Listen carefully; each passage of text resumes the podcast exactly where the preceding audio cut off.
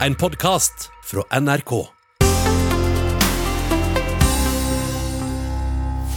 Du hører på P2 og programmet Debatt i P2 i regi av tankesmien Civita. Debatt i P2 erstatter i dag Ekko, som vanligvis sendes mellom 9 og 11. På plass i studio til dette store temaet som vi snakker om i dag, liberalisme, så har vi nå fått forfatter og Minerva-journalist Jan Arild Snoen, og han har nylig også skrevet boken Trump-sjokket. Velkommen til deg, Jan Arild. Takk. Vi skal snakke litt om globalisering. Eh, så spørs eh, første spørsmålet til deg er hvordan skal vi forstå dette fenomenet globalisering? Ja, Først og fremst så handler dette om økonomisk integrasjon over landegrensene, altså at verdenshandelen øker. I en periode også som andel av, av verdens økonomi. Og vi får globale verdikjeder der en rekke land bidrar med, til produksjonen av et enkelt produkt. Til det, dette høres også utenlandsinvesteringer, som de har økt, økt ganske mye. Særlig på 90-tallet, men også inn i dette årtusenet. Og i det så inngår også oppkjøp og fusjoner. Plutselig så er det et kinesisk selskap som eier gammel norsk industri, eller et indisk selskap. Men det er ikke bare økonomisk eh, integrasjon som er globalisering, det er vel også kulturelle, politiske ting? Ja, det er det, og det har kanskje fått enda mer oppmerksomhet de siste årene. Eh, for det handler jo også om at vi Landegrensene blir mindre betydelige også av andre grunner. Vi reiser mer, det er mye mer kommunikasjon over landegrensene.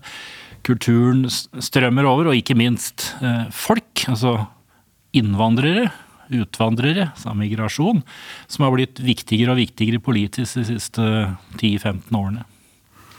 Eh, hvis vi ser på den liberale idétradisjonen, eller liberalismen, eh, for den typen globalisering vi har sett eh, de siste årene, hvor viktig er da den liberale idétradisjonen, som selvfølgelig også er universell på mange måter i sin natur? Ja, så Denne ideen om, om fri handel, om mye handel Eh, på tvers av landegrensen er jo en grunnleggende liberal idé og tilhører den liberale idétradisjonen.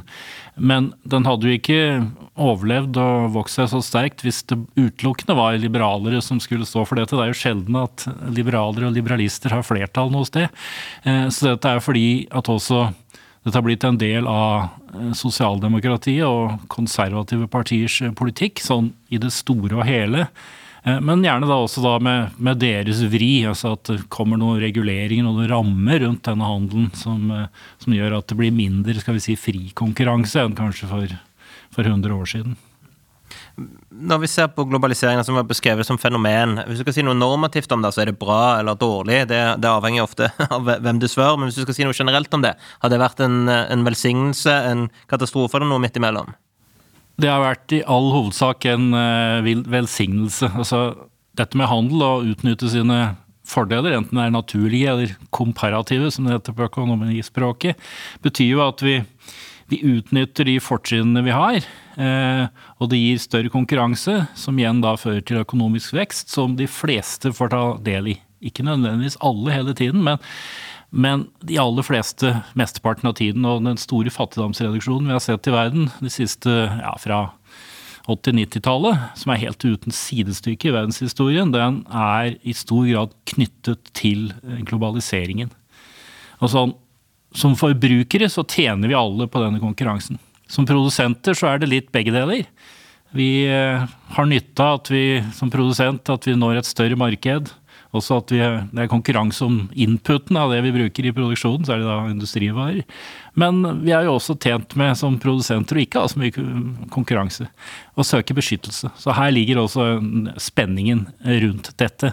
Det er mange interesser, både på arbeidstakersiden, men også på, på eiersiden, som ikke vil ha globalisering, de vil ha beskyttelse. Mm. Hvis du ser på, eh, hvis vi tar disse store fattigdomsreduksjonene og vi ser på nå avdøde Hans Rosling sin bok 'Factfulness', så har du mange sånne ting som knytter seg til globalisering, hvor han viser med foiler eller grafer eh, hvordan ting har gått i verden. Og så har han en ganske morsom eh, liten eh, spørsmålsrunde et sted i boken der, hvor eh, folk får spørsmål om hva de tror på, så skal de krysse av én, to eller tre alternativer. Og folk er stort sett veldig lite klar over, ifølge han, da, hva globaliseringen faktisk har ført til av gode ting. Så det ser ut som om mennesker generelt ikke har fått med seg de positive sidene av globaliseringen. Hvorfor tror du det er sånn at vi ikke tror på det som har skjedd? Altså Dette tror jeg er mer et, et generelt fenomen, og det sier vel Råsling også, at vi, vi, er mye mer pessimistiske. og vi, vi, har ikke helt fått med oss den, den virkelig dramatiske endringen som har skjedd i, i verden.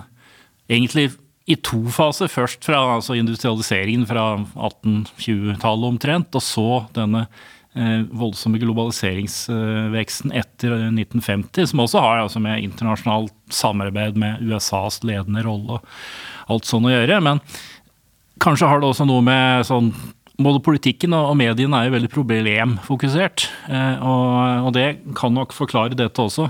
Vi er mer opptatt av, som jeg nevnte, det, det fins jo tapere i denne prosessen. Vi er mer opptatt av det. Eh, og det er for så vidt forståelig å prøve å, å løse problemene der det skapes problemer, men da mister vi det store bildet. Mm. Eh, du var jo involvert for ja, Du har sikkert vært involvert hele tiden, men du skrev jo den første boken for Civita, altså En åpen verden, om globaliseringen for nå snart, snart 20 år siden. Og hele den debatten som kom med Attac altså uh, Seattle-møtene uh, osv. Det virka veldig lenge. altså Det virker jo som, som de av oss som var tilhengere av en åpen verden og hadde vant den kampen, men det var likevel vanskelig liksom, å mobilisere sånn der folkelig engasjement. Dette var, var liksom bare sånn naturlov. altså dette Globalisering gjør ting mer effektivt. Det bare skjer. Selv om du, det, det stort til den andre siden så greier å prøve å mobilisere med sånne demonstrasjoner og sånn. Uh, hva, hva, tror du skal til for at man kan få til eh, en, en globalisering, en ny takt? For det virker som du har fått en reaksjon på det nå? Ja, altså vi har jo Debatten har jo endret seg fordi eh, du hører ikke så mye til denne type attakk-kritikk eh, lenger. I hvert fall ikke i, i gatene. Men det er jo også Med den type kritikk har du fremdeles da gjerne via eh, politiske partier på høyre- og venstresiden Joe Biden f.eks. er ingen stor frihandelstilhenger. Altså det skal konkurreres på det som kalles like vilkår. Eh, som egentlig er en sånn skjult snakk om å beskytte amerikanske arbeidere. Og det, det sier han også. Eh, altså, andre skal tjene like mye og de skal ha de samme vilkårene. og Da blir det vanskelig å konkurrere hvis det skal være sånn.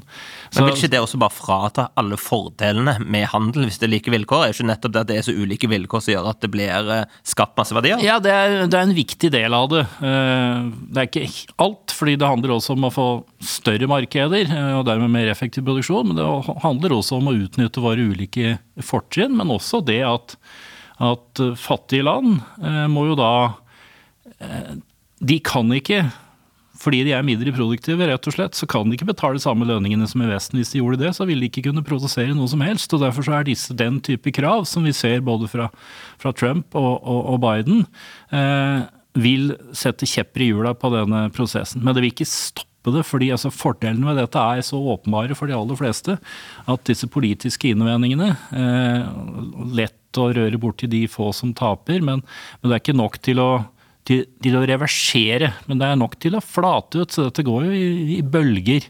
Store, altså, på 90-tallet så, så, var det full fart, og så etterpå så har det vært litt mer opp og ned. Både av politiske grunner, men også fordi du har hatt konjunkturer, og hatt finanskrise, og nå har du eh, covid-pandemien. Og hver gang det er krise, så har vi rett for å da, da, glemmer vi alt vi har lært, og så går vi tilbake til å beskytte oss selv og tenke bare på det nærmeste. Altså sånn, også i min egen familie. Så vi kan ikke dra til Sverige for å handle. og Da tenker vi ikke på Det var når Sverige var åpent. Kan ikke dra til Sverige og handle, for vi må beskytte norske arbeidsplasser. Jeg sier, Hva med svenskene, da?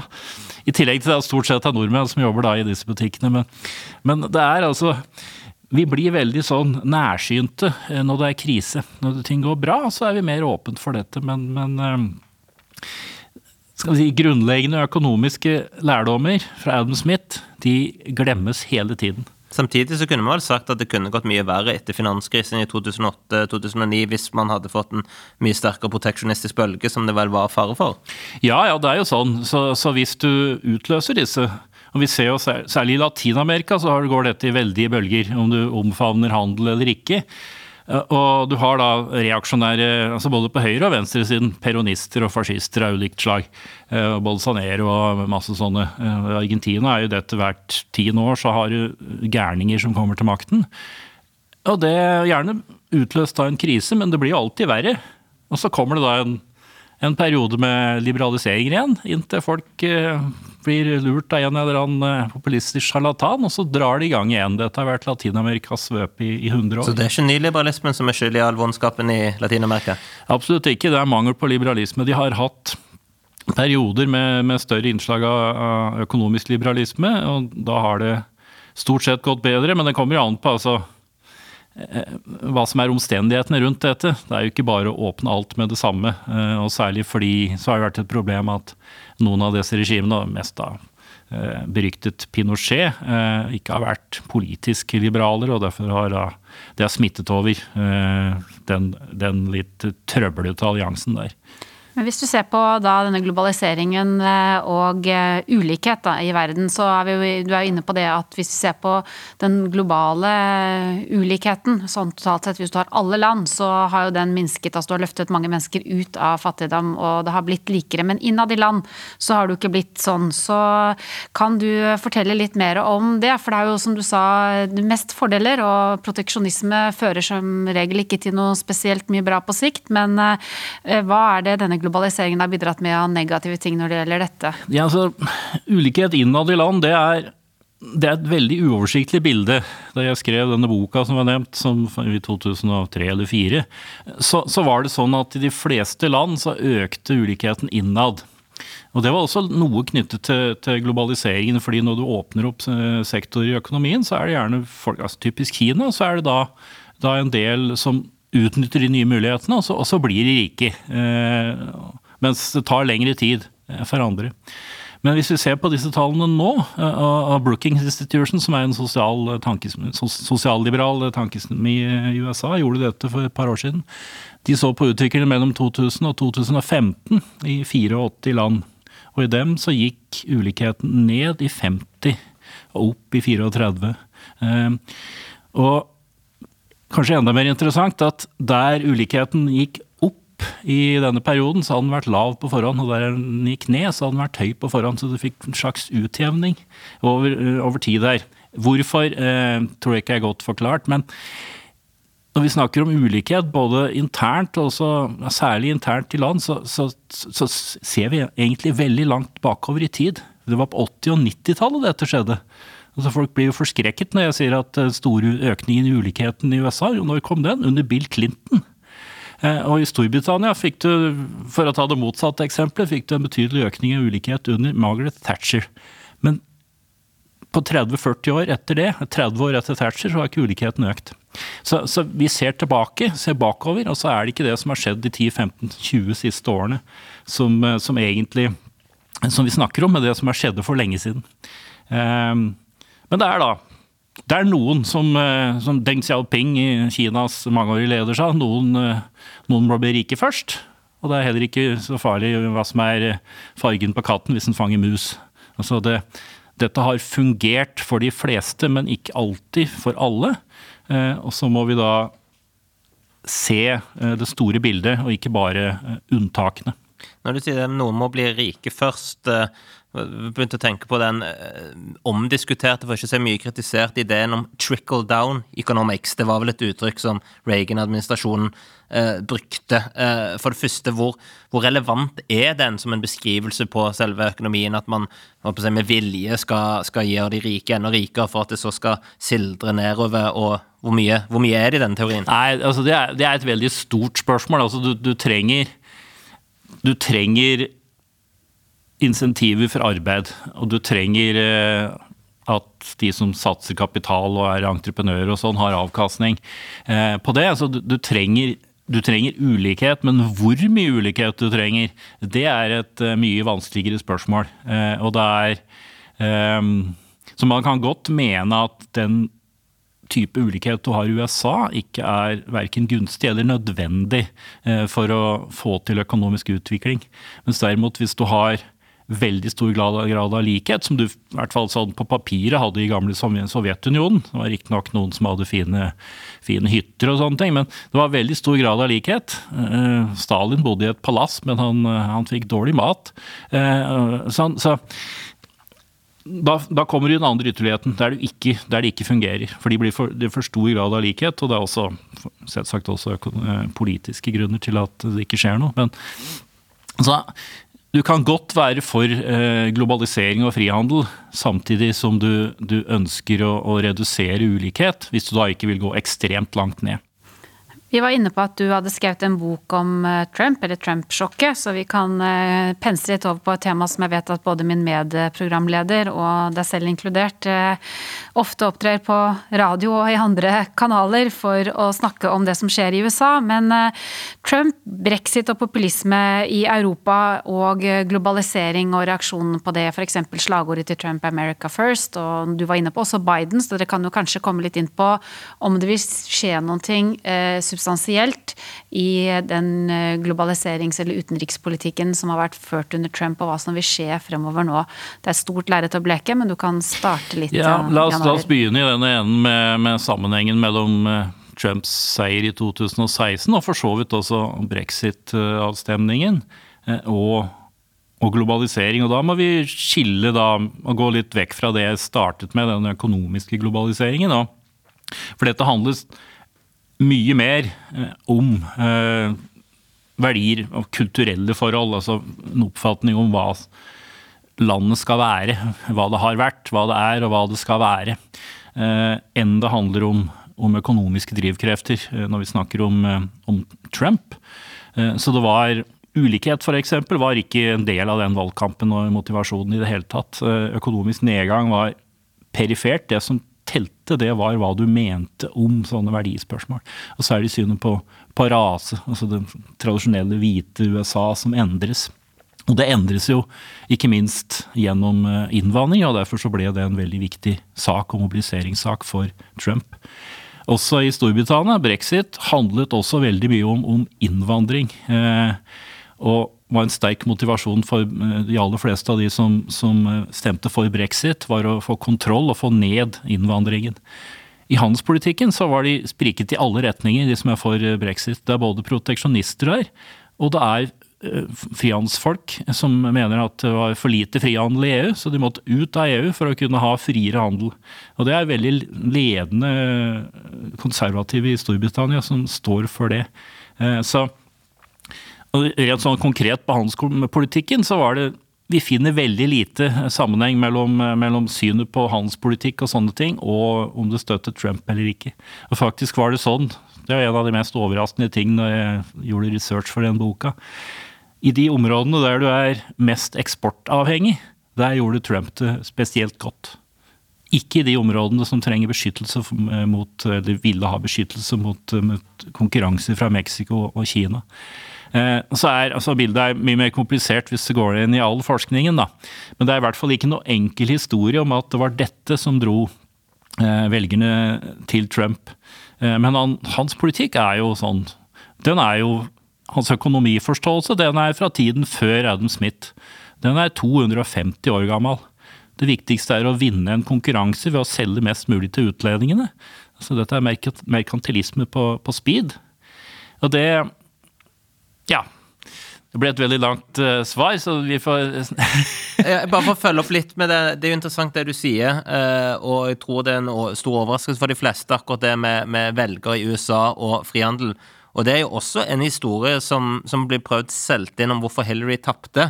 Hun var for lite hard på handelspolitikk, spesielt i disse vippestatene. Dette var tilbakemeldinger fra lokale demokrater, det var i Wisconsin, Pennsylvania osv. Sikkert mange av de har sine egne sånne interesser knytta til fagforeninger osv. Som, som ville selge den historien. Men, men, du vil si at det er en stor myte, det? Ja, jeg vil, jeg vil si at det er det. Eh, at det var Altså, du kan godt si at det er mange som, som uttrykte sånne holdninger på Trumps sida, men, Men uh, hvis du graver litt mer i hva de, hva de, mener, så er det, det er hele tiden koblet til disse altså, kulturelle tingene. Uh, synet på, på USAs, hva USA skal være. Uh, og, og, derfor, så hvis du prøver å isolere disse ulike faktorene, som da valgforskerne gjør, så ender de opp med å si at det var ikke dette som var utslagsgivende. Det var mer en sånn påheng på andre ting for en del velgere. Og andre velgere gikk, gikk i helt andre, helt andre retninger også. Det var jo mange middelklasse og godt utdannede velgere som forlot det replikanske partiet eh, fordi det ble for opptatt av det hvite USA, f.eks. Mm. Jeg tenker jo også at En av de diskusjonene som var der, var jo ikke det største spørsmålet, 2016, men det var likevel denne Trans-Pacific Partnership, altså dette med muligheten for frihandelsområdet som da både Hillary og Obama eh, da hadde gått for, men som det virka aldri som Hillary hadde selvtillit nok til å skikkelig forsvare dette. Hun skulle vel balansere også. Det var en av de største skuffelsene med Hillary Clinton. Ja, ja, Hillary var, var, ikke noe sterk eh, forsvarer for, for den avtalen. Nei, og Obama var, forhandlet den fram, men han, han, solgte, han, visste at han ikke ville få den igjen i, i Kongressen. Eh, og det er fordi at du har en sånn, har en sånn allianse av eh, noen store eh, produsent, altså kapitalinteresser som ikke var i konkurranse, og store deler av fagbevegelsen. Eh, mens, mens folket liksom, de teller ikke med her. Og Det er også et generelt poeng når det gjelder eh, handelspolitikk og globalisering, at det er veldig sterke interesser som, som, eh, som ikke er tjent med, med, konkurranse, og de er mye bedre organisert da, enn en vanlig forbruker. Så du må ha, du må ha politikere som, som, tør faktisk og Det høres litt rart ut å si at de tør å være på, på folkets side, men, men, det er det det er snakk om her. fordi særinteressene er mye bedre organisert. Det er de som finansierer i stor grad, særlig i USA. Eh, og de mobiliserer også. Eh, og det har vært et problem, og det er et problem i, i Det demokratiske partiet. Den, det interessante nå er at Trumps, Trump jager velgerne velgeren bort seg, eh, fra seg på omtrent alle områder. Eh, hvis Trump mener noe, så går opinionen i motsatt retning. Det eneste unntaket av betydning er synet på Kina. Men ellers er det sånn at altså, amerikanerne har blitt mye mer handelsvennlige, også frihandelsvennlige, de siste fire årene enn de var. Og særlig demokratene. Men det har ikke da kommet over i partiet, for det er dominert av av disse uh, tradisjonelle interessene. Så Biden er ikke noe sterk uh, frihandelsmann, men han kommer til å tone ned uh, Trumps handelspolitikk. Særlig det som ikke går på Kina. Kina er et spesielt problem, men, men han kommer til å dra den konflikten ned noen hakk. Og i hvert fall rydde unna alt som har med Europa og sånne ting å gjøre. Så det blir, det blir mer normalt igjen. Men USA vil nok ikke være noen stor pådriver for frihandel nå heller. De har jo dumma seg helt ut med denne avtalen som da ikke ble noe av. som eh, Trump trakk dem ut av, fordi han mente at det ville tjene Kina. mens den avtalen, mens det var jo stikk motsatt. Det var jo ment å demme opp for Kina. Isteden har vi nå fått en avtale som inkluderer Kina, og som styrker Kina. Eh, Riktignok ikke så omfattende handelsavtale som ble inngått her i forrige uke, var det vel. Eh, men det går i den retningen, men da mye mer på kinesernes premisser enn på amerikanernes. Hvis vi nærmer oss litt eh, slutten her, Jan Arild, så har vi også andre ting enn handel som, eh, som eh, kan gå inn under den store paraplyen globalisering. Altså f.eks. Parisavtalen eller andre ting som handler om internasjonalt samarbeid, da for så vidt, og som, som, krever at man har en arena hvor mange land samarbeider eller fungerer sammen. Og det gjelder på mange andre områder også. Hvordan tror du det vil bli nå under Joe Biden? Nei, Der får vi et veldig klart uh, skifte. Uh, fordi USA har jo i hele etterkrigstiden altså Det har jo vært USAs tidsalder fra andre verdenskrig og, og fram til Trump. Der USA i hvert fall i mesteparten av perioden har, har hatt en lederrolle i i å fremme internasjonalt samarbeid på veldig mange ulike områder. Eh, på klima har de ikke vært helt i forkant Eh, før Trump heller, men de har i hvert fall vært mye mer konstruktivt med. Nå kommer USA til å vende tilbake til sin, eh, sin viktige, ikke, nødvendigvis dominerende, men, men, å ha en viktig rolle og slutte å, være, å sabotere disse ordningene. Eh, og det gjelder, det gjelder, klima, men det gjelder handel og det gjelder, det gjelder menneskerettigheter også, som Donald Trump var totalt uinteressert i. Eh, og det gjelder forsvar, Nato, sånne ting. Eh, så du får en stor grad av normalisering, vil jeg si med, med, med kanskje to unntak. Det ene er da uh, Kina, der uh, etter min mening også trengs en, uh, en, tøffere politikk enn det vi hadde under Obama. Men ikke den politikken Trump førte. Og det andre unntaket er da får vi se hva som skjer på, på handelssida. Da får vi si tusen takk til deg, Jan Arild Snoen, for at du stilte opp i denne sendingen. Og så var det jo hyggelig å avslutte på en delvis positiv note her, at vi kan kanskje vente oss en vaksine som et resultat av vellykket side av globalisering. Så takk skal du ha.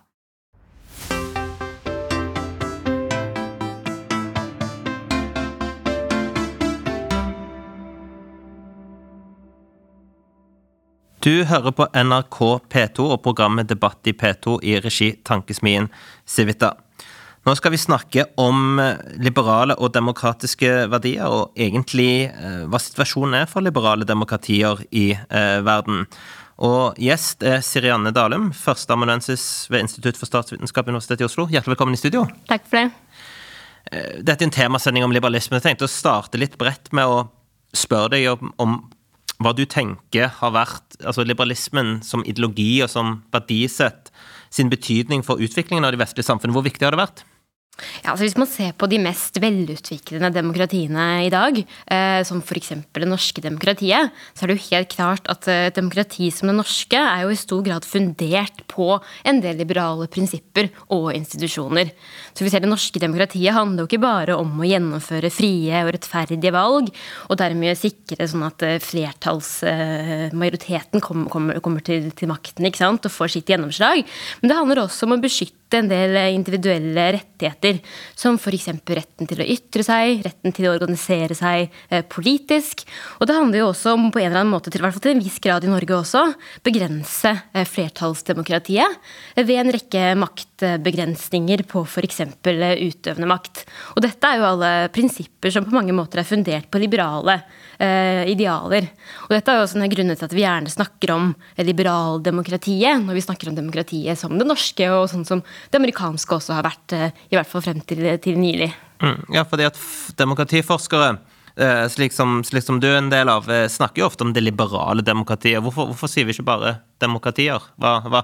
Du forklarte jo litt om dette med det liberale, men demokrati betyr jo folkestyre. Hvorfor kan vi ikke bare bruke det begrepet? Ja, vi kan ikke bruke det bare begrepet, fordi det er jo en del land i verden i dag som på en måte gjennomfører valg. Og disse valgene kan jo til og med være ganske frie, og ofte til og med rettferdige. Men mange av disse er som det vi kaller illiberale demokratier, den forstand at de har valg som gjennomføres. Og dette kan til og med gjøre at velgere kommer til makten og blir kastet gjennom disse valgene. Men de beskytter ikke individuelle rettigheter. De har f.eks. ikke noe slags avgrensning av makt, sånn at utøvende makt, altså ofte den valgte lederen, har veldig veldig stor innflytelse. Og kan ofte da underminere f.eks. mindretallets interesser. Og Der har vi vi kaller gjerne et illiberalt demokrati. Og så har vi jo sett, som vi sikkert vil snakke mer om i dag, at mange land har gått fra å være mer liberale demokratier, men så har det liberale aspektet sakte, men sikkert blitt innskrenket i, i mange land. Mm. Du nevnte jo litt uh, dette med, med uh, situasjonen i verden. Eller iallfall så tenker jeg sånn der at hvor utbredt er altså den liberale og demokratiske verdiene i, i verden? Og, og, og, det går vel også på at du har borgere i det enkelte land som faktisk er demokratisk innstilte. Altså, jeg tenker at Det må jo være ganske viktig for at du skal få vellykkede liberale demokratier? Ja, absolutt. Og én ting vi vet, er jo at verdens befolkning har jo i løpet av de siste 50 årene i hvert fall blitt gradvis mer liberalt og demokratisk orientert. Og jeg tror det er viktig å, å få frem at når jeg snakker om liberalt orientert her, så snakker jeg ikke nødvendigvis om liksom, markedsliberalistisk orientert. Jeg snakker heller ikke nødvendigvis om liberalistisk orientert på en slags venstre-høyre-skala eh, i et eh, politisk landskap. Men jeg snakker om liberalt orientert som et motstykke til mer autoritære verdier. Og med autoritære verdier verdier, så tenker jeg på f.eks. da holdninger som at man er veldig opptatt av eh, disiplin, orden, en sterk ledelse. Det henger ofte sammen med også en slags frykt og kanskje til og med aggresjon mot andre grupper i samfunnet. F.eks. Eh, minoriteter, eh, andre etniske grupper. Eh, og det kan også henge sammen med sånn at man er opptatt av å beskytte tradisjoner og det konvensjonelle mot eh, ofte liberale endringer, f.eks., eller store omveltninger i samfunnet. Og spesielt den yngre generasjonen i dag, og dette ser vi faktisk i store deler av verden og i veldig mange land, eh, blir stadig mer liberale. Og også da mindre autoritære, eh, i den forstand jeg snakker om autoritære verdier her. Eh, men så ser vi jo også samtidig at det er fortsatt veldig mange i verden som fortsatt er veldig autoritært orientert. Eh, og det kan til og med f.eks. i vestlige land som i, i, USA. Og dette er spesielt liksom den eldre garde, men også f.eks. individer som ofte bor eh, på bygda. Eh, ofte folk, individer med lavere eh, utdanning.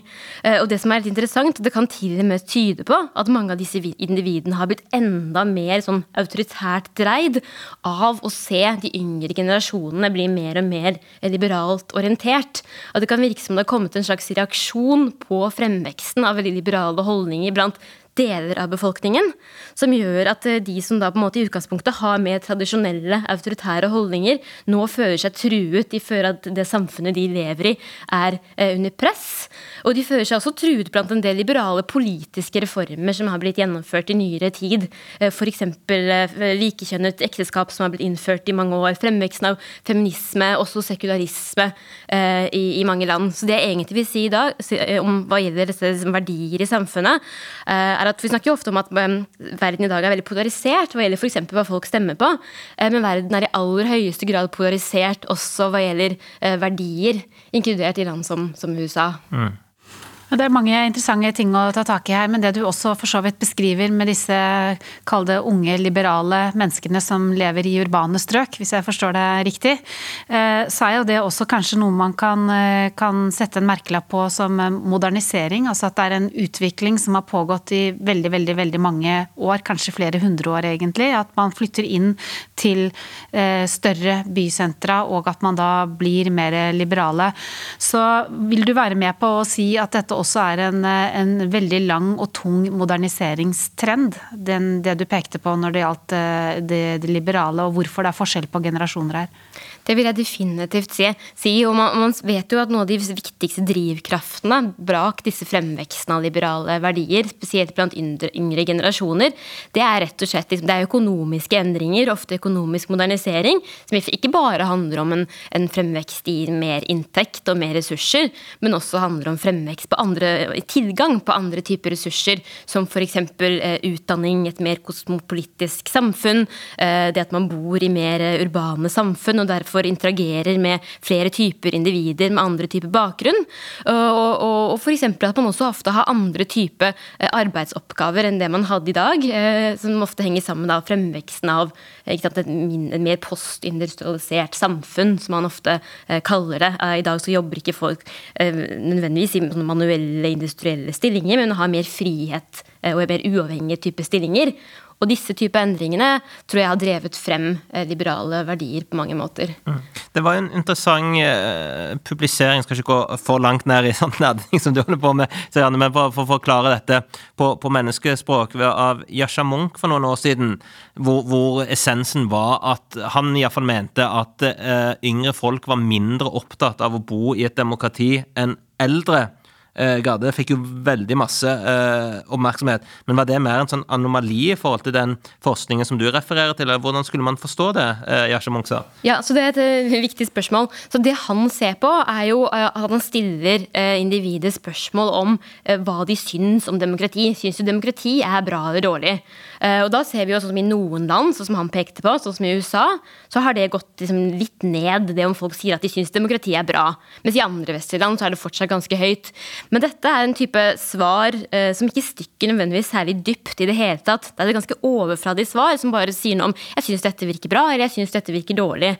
Eh, det ofte, og det er ofte noe annet enn disse mer grunnleggende eh, liberale holdninger som sier noe om hvorvidt du virkelig er opptatt av f.eks. prinsipp prinsipper som eh, toleranse, eh, liberalisme og mer sånn underliggende eh, liberale holdninger.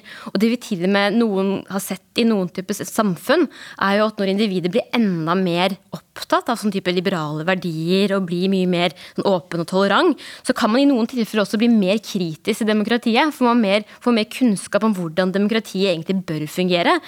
Hva som er idealene til demokratiet, og de egentlig er ganske høye. At det er ganske mye som skal til for at man virkelig er et velfungerende liberalt demokrati. Og Derfor kan man bli litt skuffet eh, og kanskje til og med desillusjonert ved å se på hvordan demokratiet fungerer i praksis. Og det tror jeg foregå, er noe som kan foregå blant den yngre generasjonen i dag. Mm. Det, det, er jo litt interessant eh, akkurat det der, og hvordan man skal tolke den type soldater. Jeg så for noen, noen år siden på dette Latino Barometro, altså de måler bl.a. demokratiske holdninger i Latin-Amerika. og Der kom det frem at eh, Chile, som man ofte trekker frem som det mest velfungerende for de medlemmer hos altså var de som var minst fornøyd med måten demokratiet fungerte på. Kan det da forklares på den måten som du nå sa, at de har mest kunnskap om det, de har mest forståelse av det, og ikke nødvendigvis dit hen at, at det rent objektivt sett er det dårligste demokratiet i, i Latin-Amerika? Ja, det tror jeg absolutt det kan være noe i. Og vi ser jo at f.eks. mange individer som får mer utdanning, for eksempel, de kan ofte bli mer kritiske både til myndighetene, til samfunnet de bor i, og også si at de er mer kritiske til demokratiet slik det funker, slik det fungerer. Eh, og det kan jo også ha å gjøre med mer kunnskap og mer bevissthet om hva som er et velfungerende demokrati. Mm. Vi var inne på helt i starten eh, forskjellen mellom liberale demokratier og illiberale demokratier. Eh, og eh, da er spørsmålet først hvor går grensen egentlig mellom å være et, en autoritær stat og å være et illiberalt demokrati? Og jeg kan også spøkefullt si at da jeg var liten så var det noe som het DDR og noe som het Vest-Tyskland. Men DDR hadde jo demokrati i navn, navnet på landet, men vi kan vel ikke akkurat si at landet var spesielt spesielt demokratisk, så det virket jo som om man bare smykket seg med å hete demokrati, og de finner jo eksempler på det rundt omkring eh, på kloden i dag også. Ja, eh, så, så, jeg vil jo si at en viktig forskjell mellom det vi kaller et fullt og helt rendyrket autoritært regime i dag, og det vi kaller et illiberalt demokrati, eh, er at sistnevnte vil ofte gjennomføre eh, politiske valg.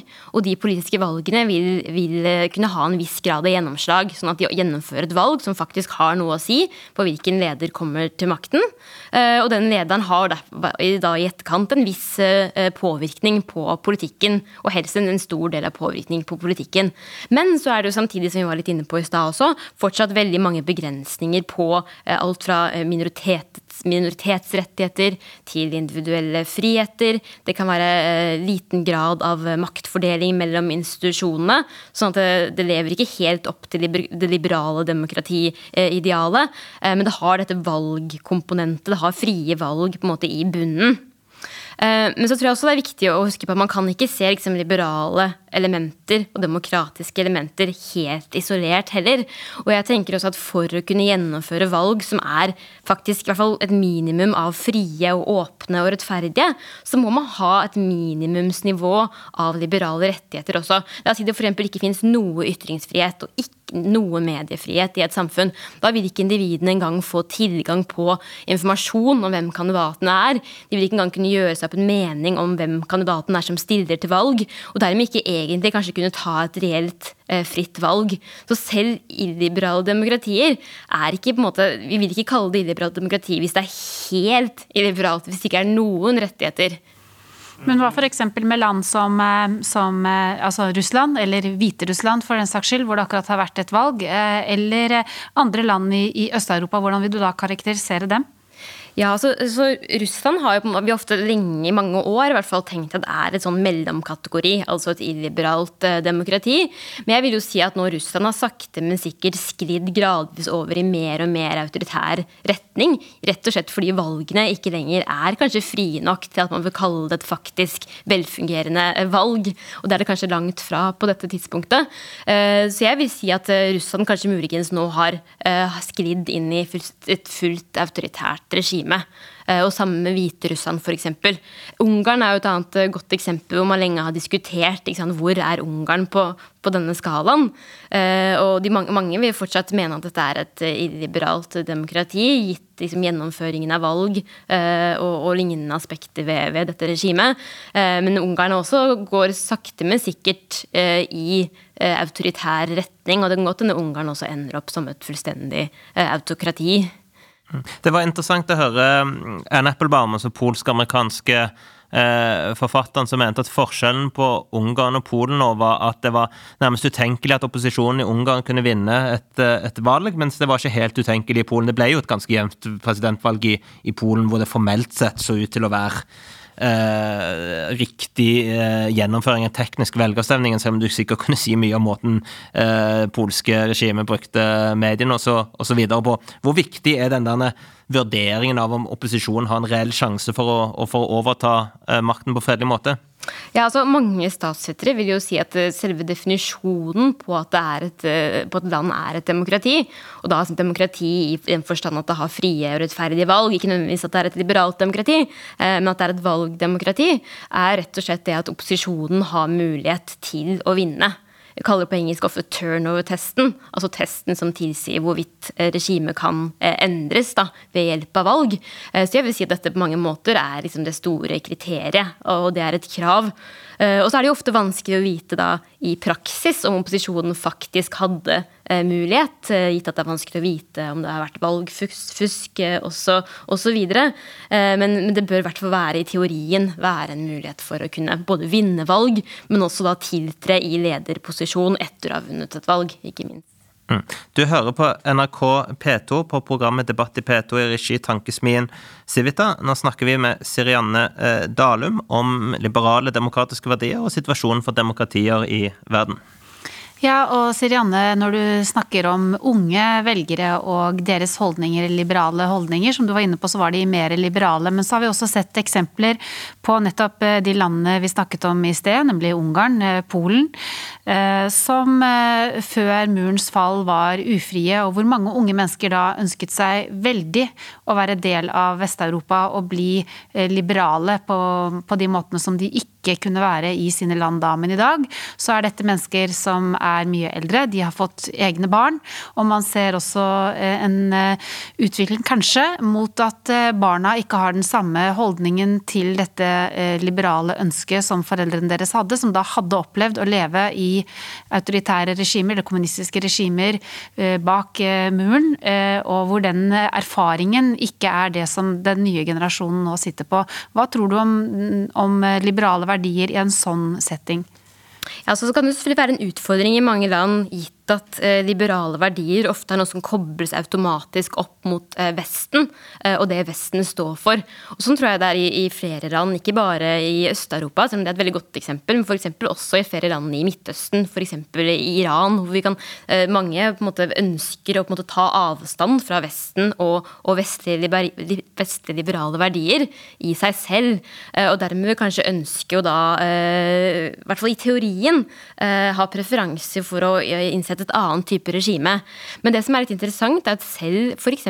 I, i Midtøsten så ser vi at denne yngre befolkningen eh, får disse typer liberale holdningene eh, gradvis, som jeg snakket om i stad, i den forstand at de blir eh, stadig mer f.eks. mindre konvensjonelle, mindre tradisjonelle, stadig mer åpne f.eks. For, for andre måter å leve på.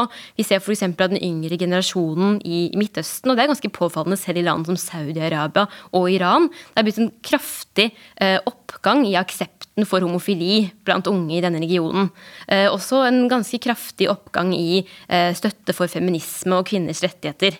Eh, så det er en ganske påfallende trend. Men dette er jo på en måte mer sånne grunnleggende Dette er ikke nødvendigvis støtte for demokrati.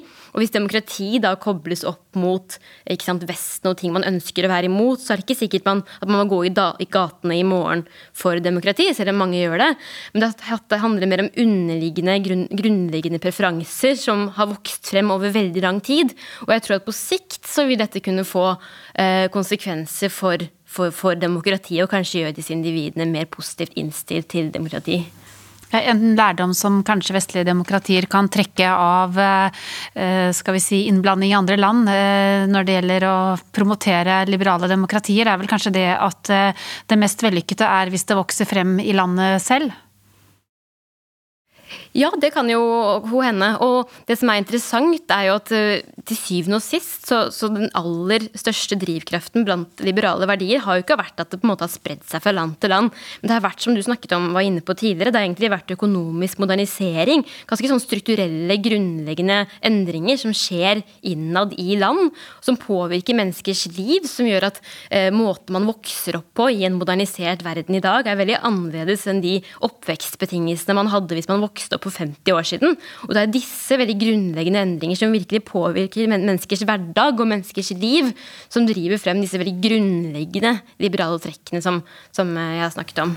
Vi har også snakket om globalisering her for eh, litt siden, eh, og da også ikke bare økonomisk globalisering, men kulturell, informasjonsmessig kanskje, eh, og i det hele tatt hva, vi, hva mennesker kan klare å finne ut om andre deler av verden som de ikke gjorde tidligere, altså som er en del av moderniseringen. Hvordan tror du det virker inn på liberale verdier og på demokratisering rundt omkring i verden? Det at vi kan vite om hva som skjer hvis ikke vi er sensurert. Da. Det er noen land som klarer det.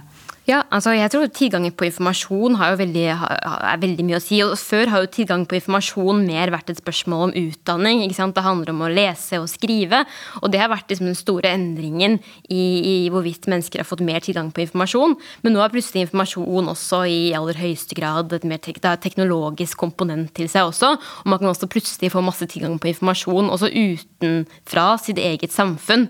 Uh, men det er som når vi snakker om liberale verdier igjen, dette er noe som tar veldig lang tid tid og vokste frem.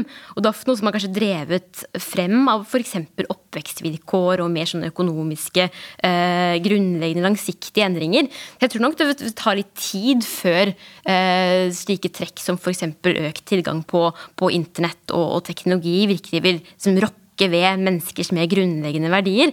Eh, men det er klart at eh, jo mer man da sant, eh, interagerer med, kommuniserer med, hører om andre måter å, å leve livene sine på, så vil det kunne føre til, til krav om, om, kanskje å, å utvide f.eks. friheter i sitt eget samfunn også.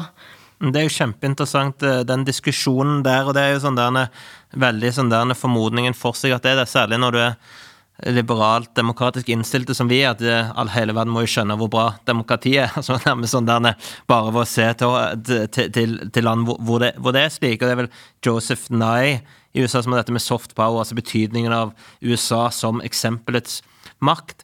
Men en ting, altså en, et argument mot det, eller du får se om, eh, får se om du er enig, Sirianne, er jo f.eks. utviklingen i Kina. Du har jo hatt masse kinesere som har dratt til USA Eh, gått på gode skoler der, kommer tilbake.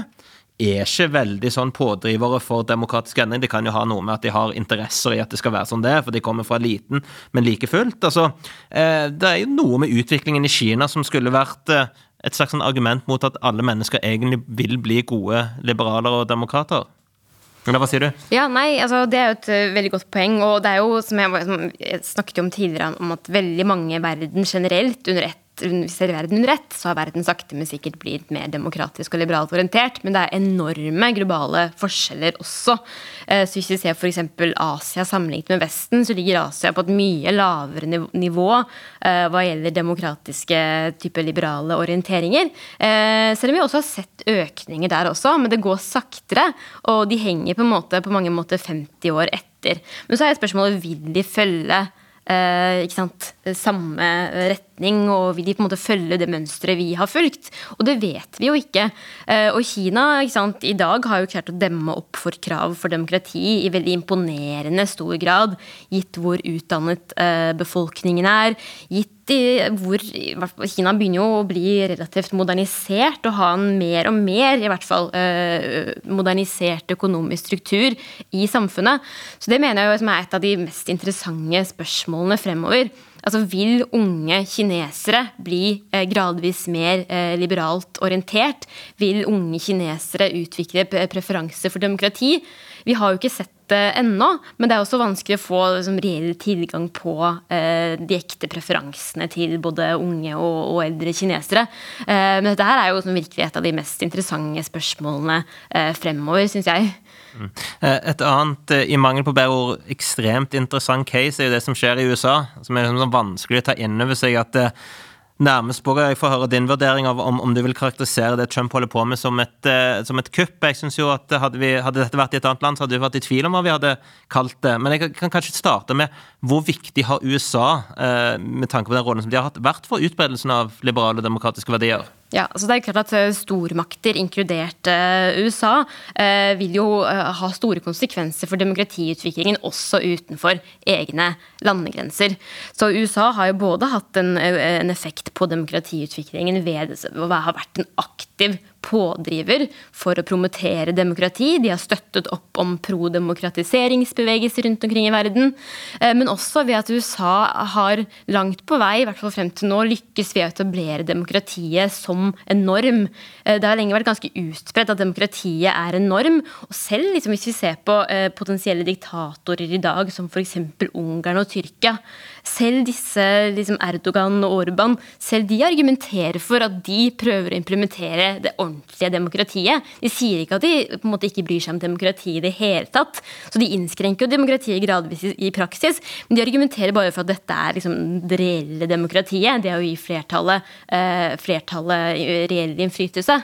Eh, og jeg tror dette med at denne demokratiske normen står så, står så sterkt eh, Eh, egentlig i hele verden, eh, er et tegn på at USA på mange måter har lykkes med å etablere demokratiet som en, som en global norm. Og hva er det som skjer, og Hvordan vil du vurdere det som skjer nå? Det, det har jo absolutt ingenting med demokratiske verdier, sånn som jeg forstår det, måten Trump oppfatter seg på. Nei, altså jeg er helt enig, og det er nå veldig mye diskusjon akkurat nå om eh, Donald Trump kommer til å lykkes med å gjennomføre et eh, kupp. Uh, og det er et veldig viktig og avgjørende spørsmål. Men jeg vil også si at uavhengig, selv om man ikke lykkes med å, uh, med å gjennomføre et uh, kupp nå i dag, så vil jeg si at demokratiet i USA har jo allerede forvitret i ganske stor grad. Og de fleste internasjonale sånne målinger av hvor demokratisk alle land i verden er, og også hvor demokratisk USA er, konkluderer jo nå med at USA demokratiet i USA på mange måter har forvitret.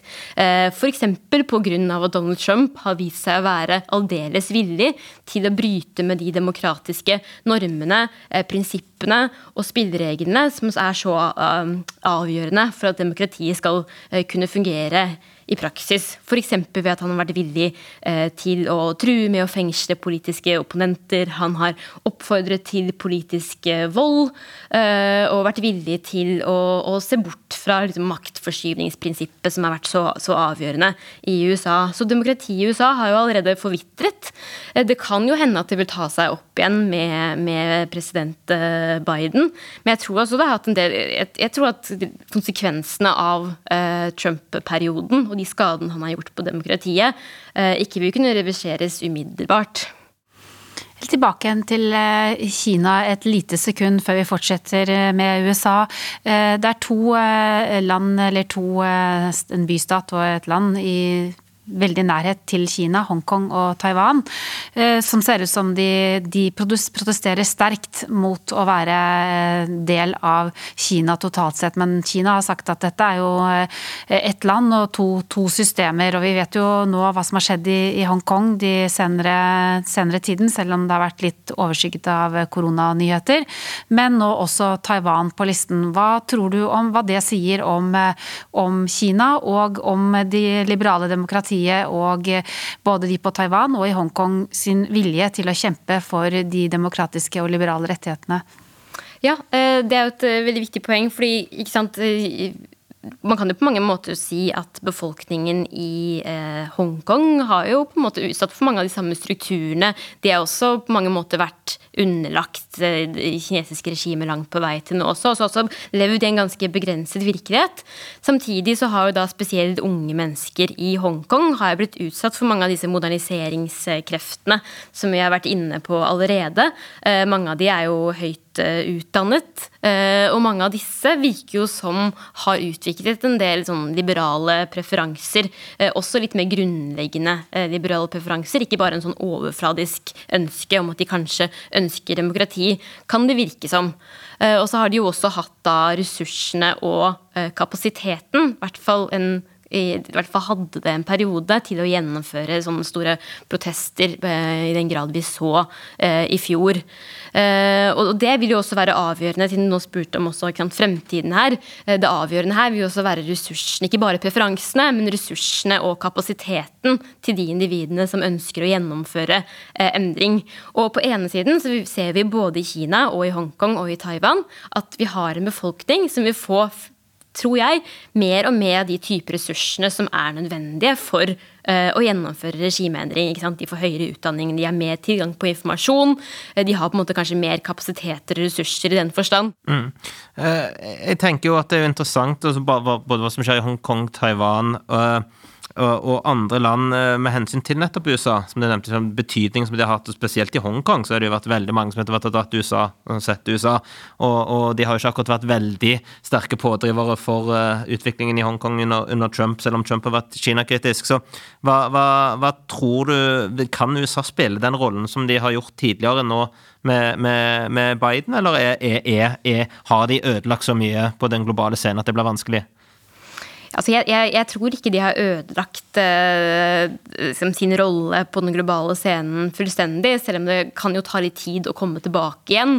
Og, og mange sant, har jo nå Jeg tror mange, spesielt unge mennesker, som ikke husker USA på 90-tallet og begynnelsen av 2000-tallet, kanskje til og med, så godt som vi gjør, har jo et litt annet uh, syn på USA enn det mange av det vi har. Så sånn sett kan det jo påvirke litt uh, i hvilken grad både unge, men også befolkningen i andre land tenker på det amerikanske demokratiet som et attraktivt alternativ. Kanskje virker det ikke attraktivt i det hele tatt eh, i dag. Eh, men det er jo klart at eh, jeg tror USA i aller største grad kan komme eh, tilbake. Og hvis USA plutselig nå eh, snur tvert om, noe som det kanskje mest sannsynlig vil med, med Biden hva gjelder akkurat eh, demokraterings-promotteringspolitikk, så vil jo det være veldig positivt. Det var godt at du avsluttet eh, positivt her, eh, Sirianne Dalum, for det var det vi rakk i denne temasendingen om liberalisme.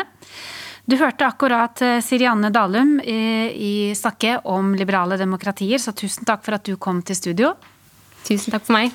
Takk også til Jan Arild Snoen, Torkel Brekke, Hulda Holtvedt og Lars Fredrik Svendsen for dagens bidrag. På vegne av meg selv, Mathilde Fasting og kollega Eirik Løkke vil jeg takke for at du hørte på dagens utgave av Debatt i P2 i regi av tankesmien Civita. Straks så får du nyhetsoppdatering klokken 11.